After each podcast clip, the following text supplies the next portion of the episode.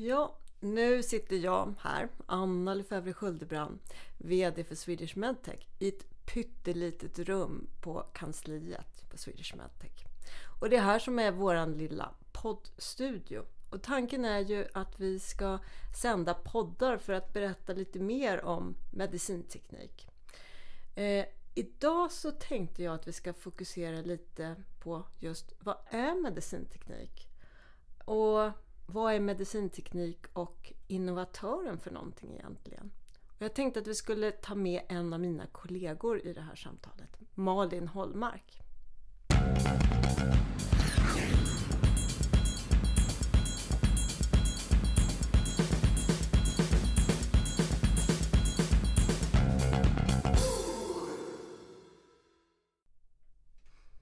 Hej Malin! Hej Anna! Vad roligt att ha dig här igen. Jättekul att vara här. Ja. Eh, vi har ju några poddlyssnare som eh, lyssnar på våran podd. Och eh, den här grundläggande frågan som man kanske borde prata kring. Jag insåg att den har vi inte pratat så mycket om. Jaha. Vad är medtech? Ah, den lilla frågan. Ja. Ja, vilken kul fråga Ja, tycker jag. ja den är jätterolig. Ja. Har du några tankar sådär? Jag har, ja absolut. Jag har ju jobbat med medtech eh, sen ever, forever. Så jag eh, har tänkt ganska mycket på medtech. är. Men det man kan säga är ju att medicinteknik, medtech då, är eh, att lösa, när man löser ett medicinskt problem med en teknik. Till skillnad från till exempel om man har ett läkemedel som då löser man ett medicinskt problem på annan väg, på kemisk väg. Så medicinteknik är helt enkelt precis det. Man löser ett medicinskt problem med teknik. Och det kan vara allt ifrån eh, en tungspatel på en primärvårdscentral, en febertermometer, en eh, pacemaker, en rullstol, kryckor. Man kan säga, ibland, ibland så har jag hört den här, det är lite hårdraget, men man skulle kunna säga att på ett sjukhus så är medicinteknik allt som inte är de tre P'na. Och det är alltså personal, patienter Och piller? och piller. Helt enkelt. Jaha. Lite grovt sagt. Men så, så kan man säga. Och sen så finns det givetvis medicinteknik i folks hem. Eh, och vårdcentraler som jag nämnde och i äldreomsorgen. Och där har vi kanske då ett annat P i plåstren. Det är väl kanske den vanligaste medicintekniska produkten som de allra flesta har mött sedan ganska späd ålder. Ja, helt Mm. klart. Ja, och det som ju förbinder alla de här produkterna eh, det är att det finns ett regelverk som gäller för alla. Mm, precis. Ehm, och det, det regelverket talar ju då om vad en medicinteknisk produkt är. I andra ordalag än vad jag just använde. Lite mer juridiska. Ehm, och det talar också om vad man behöver göra för att säkra att produkten eller tjänsten är säker och gör det den ska. Och att man inte utsätter patienter och användare för onödiga risker. Eh, och att nyttan är större än möjlig risk med, med produkten. Och det är ganska väl uppstyrt re- regelverk. Vi, vi jobbar ju en hel del med myndigheter Mm. också i Swedish Medtech. Och jag för mig det är TLV som har tagit fram en siffra som säger att på den svenska marknaden så finns det 900 000 olika medicintekniska produkter. Ja, precis. Och det, är- det, det är ju hisnande. Och det, det som är knasigt ännu värre är ju att det verkar växa med tiotusentals produkter per år. Den siffran. Ja. Mm. Det finns väldigt, väldigt många medicintekniska Väldigt många. Mm. Mm. Ja, men så är det. Mm. Ja, men det här regelverket som styr de produkterna. Eh, du sa att det fanns också regler där kring hur produkterna faktiskt ska fungera. Det vill säga, Mm. är de säkra eller inte och gör de det de ska?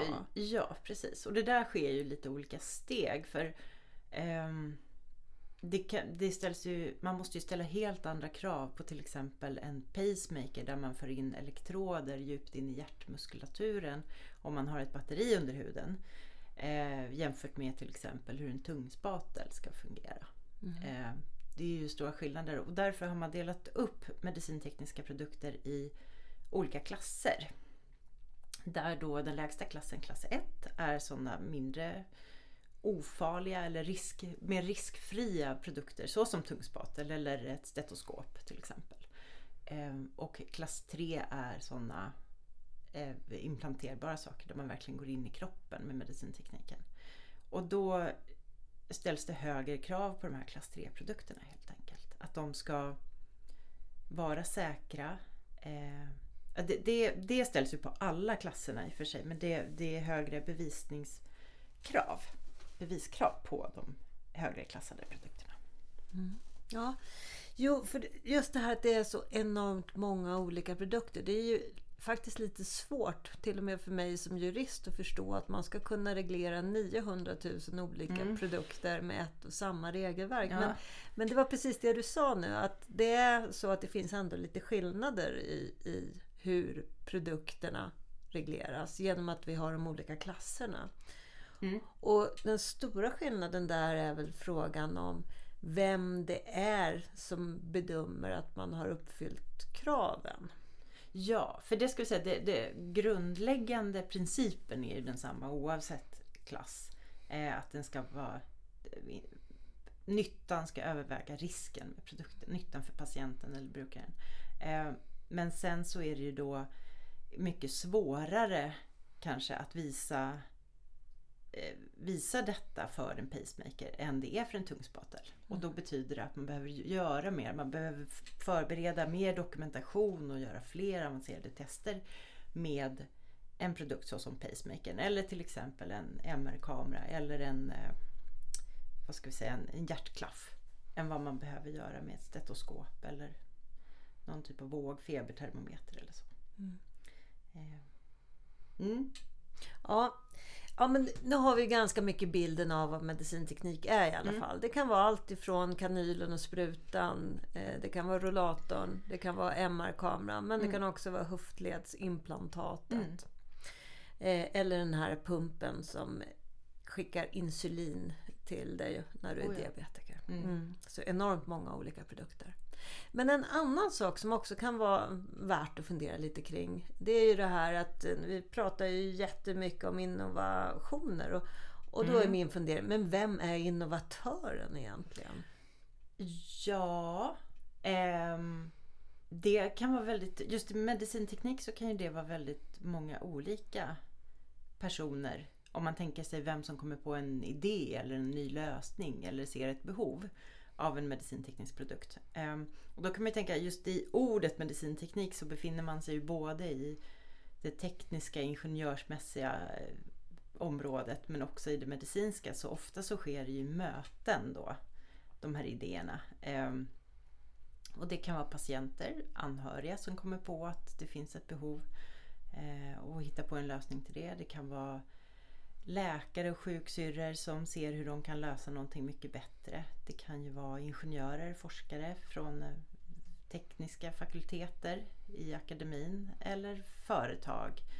Eh, enskilda entreprenörer. De här idéerna kan ju komma överallt ifrån. Det ser verkligen ut på det sättet att produkterna uppstår lite här och var. Produktidéerna produktidéerna kommer. Mm. Ja, jo, och det känns väl ganska naturligt att det är så att idéerna kanske kommer när man är i en situation när man ser ett behov. Mm. Och att, Precis. Att det är då som, som man får idén. Men det här då med innovationen. Vi brukar ju mm. säga att en innovation blir inte förrän det är en produkt som faktiskt används. Hur, hur kommer en produkt från idé och till patient egentligen? Ja, det, är, det är en ganska lång väg. Ehm, men det behöver... Den kan gå snabbt. För vissa produkter kan det gå jättesnabbt då. Eh, beroende på riskklass och för vissa tar det väldigt lång tid. Men det finns vissa steg man måste gå igenom och ordningen på de här kan se lite olika ut beroende på produkt. Ehm, men om man har en idé eh, så måste den typiskt eh, tekniskt verifieras och kliniskt valideras. Och det betyder alltså att man följer regelverket och ser vilka tekniska krav ställs på det här. Alltså enligt olika standarder. Eh, om det är elektromekaniska saker så ska jag inte kunna, jag ska inte få stöta, de ska inte vara farliga. Eh, klinisk validering betyder att man tittar på, ja men om jag påstår att man kan få en medicinsk effekt, kan jag visa att man får den av den här produkten? Så där är lite olika steg man går igenom.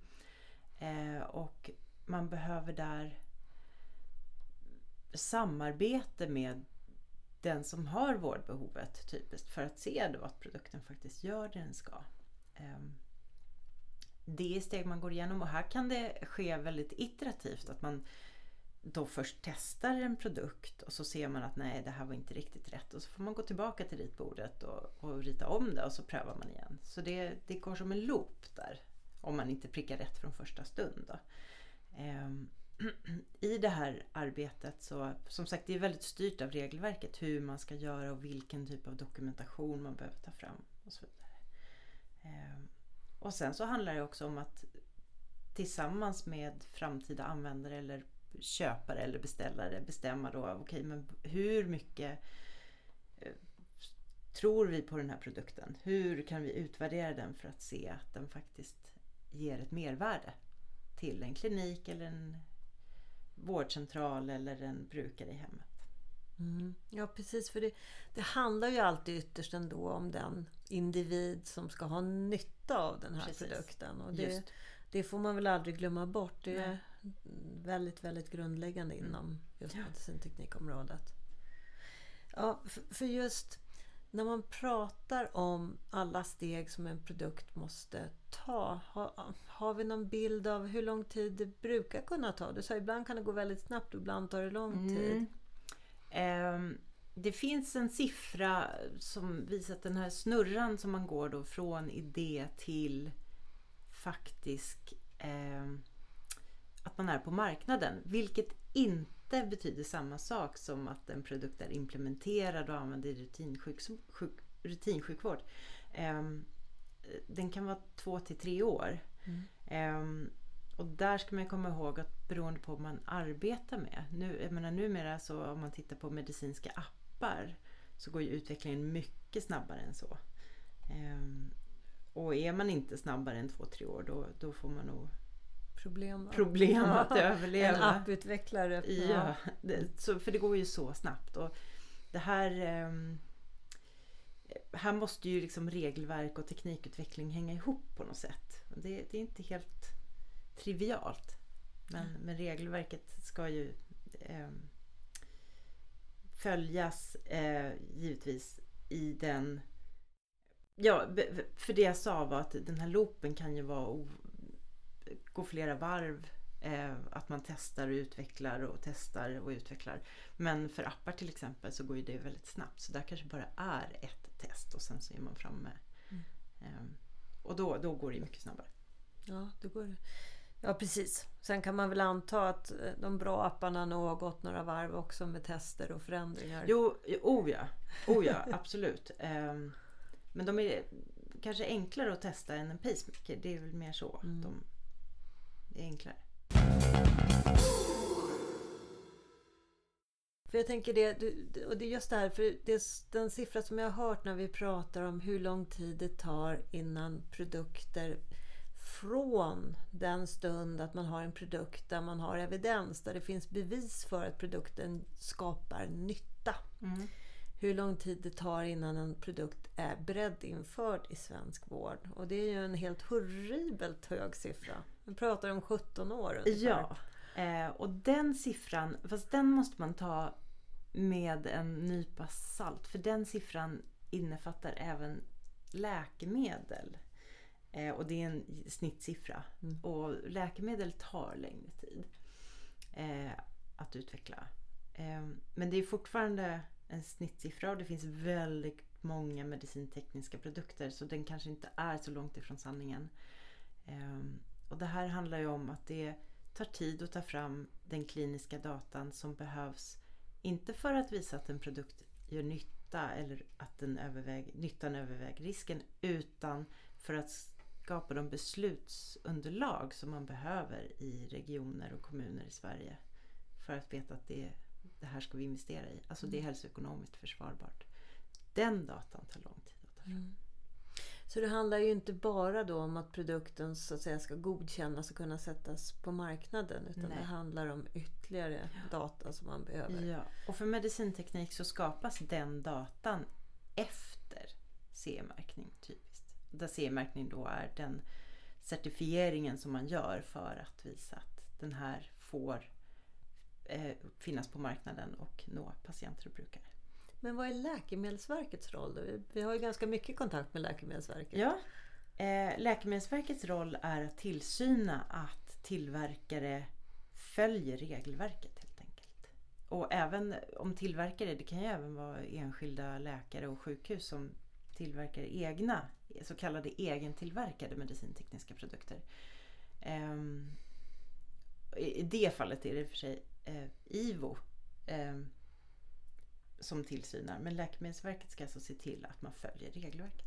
Mm, så att man vet det. Och det är också Läkemedelsverket som faktiskt kan gå ut och så att säga, ge ett marknadsförbud eller säga att en produkt inte längre får säljas. Just det. Hur vanligt är det? Eh, Det är inte särskilt vanligt så vitt jag vet. Ehm, Det sker ju ofta så kan man ju få man man kan få en varning att man måste tillse att, att åtgärda någonting och, och det kan ju ske utan att man behöver förbjuda produkten. Men har man inte uppföljt dem, gjort de åtgärder som Läkemedelsverket kräver då blir det ju ett, ett förbud. Mm. Men det är inte så vanligt som sagt. Nej.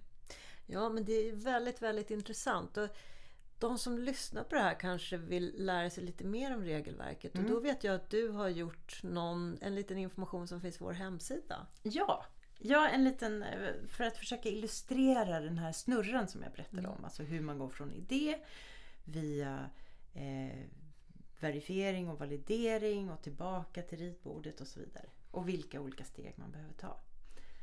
Eh, kopplat till regelverket som är det som driver det hela framåt. Så att eh, om du som lyssnar vill veta lite, lite mer om det här får ni jättegärna gå in och titta på vår hemsida och se den snurra som Malin har illustrerat med lite mer text. Ja. Sen är det ju en del andra saker som vi behöver kanske också prata om när vi pratar om medtech. Eh, Men jag tänkte att det kanske jag ska göra med några av våra andra kollegor. Ja, det finns ju väldigt mycket spännande bitar i, eh, i innovationsprocessen för medicinteknik som man kan djupdyka i. Ja, ja. ja vi ska ta och gräva vidare. Mm. Stort tack Malin! Tack själv Anna!